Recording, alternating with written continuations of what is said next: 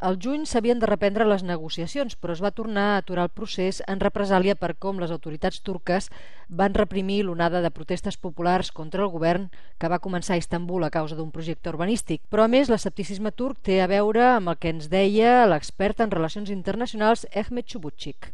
Problem, uh, think, uh, el problema de la Unió Europea és que no sap cap on va, cap on anirà, com s'organitzarà.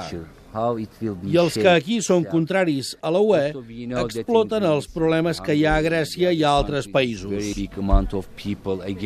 Entre els temes de més difícil resolució en les negociacions per l'adhesió i el reconeixement turc de la República de Xipre.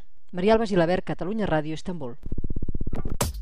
Projecte Explica Europa a Europa amb el suport de la Comissió Europea.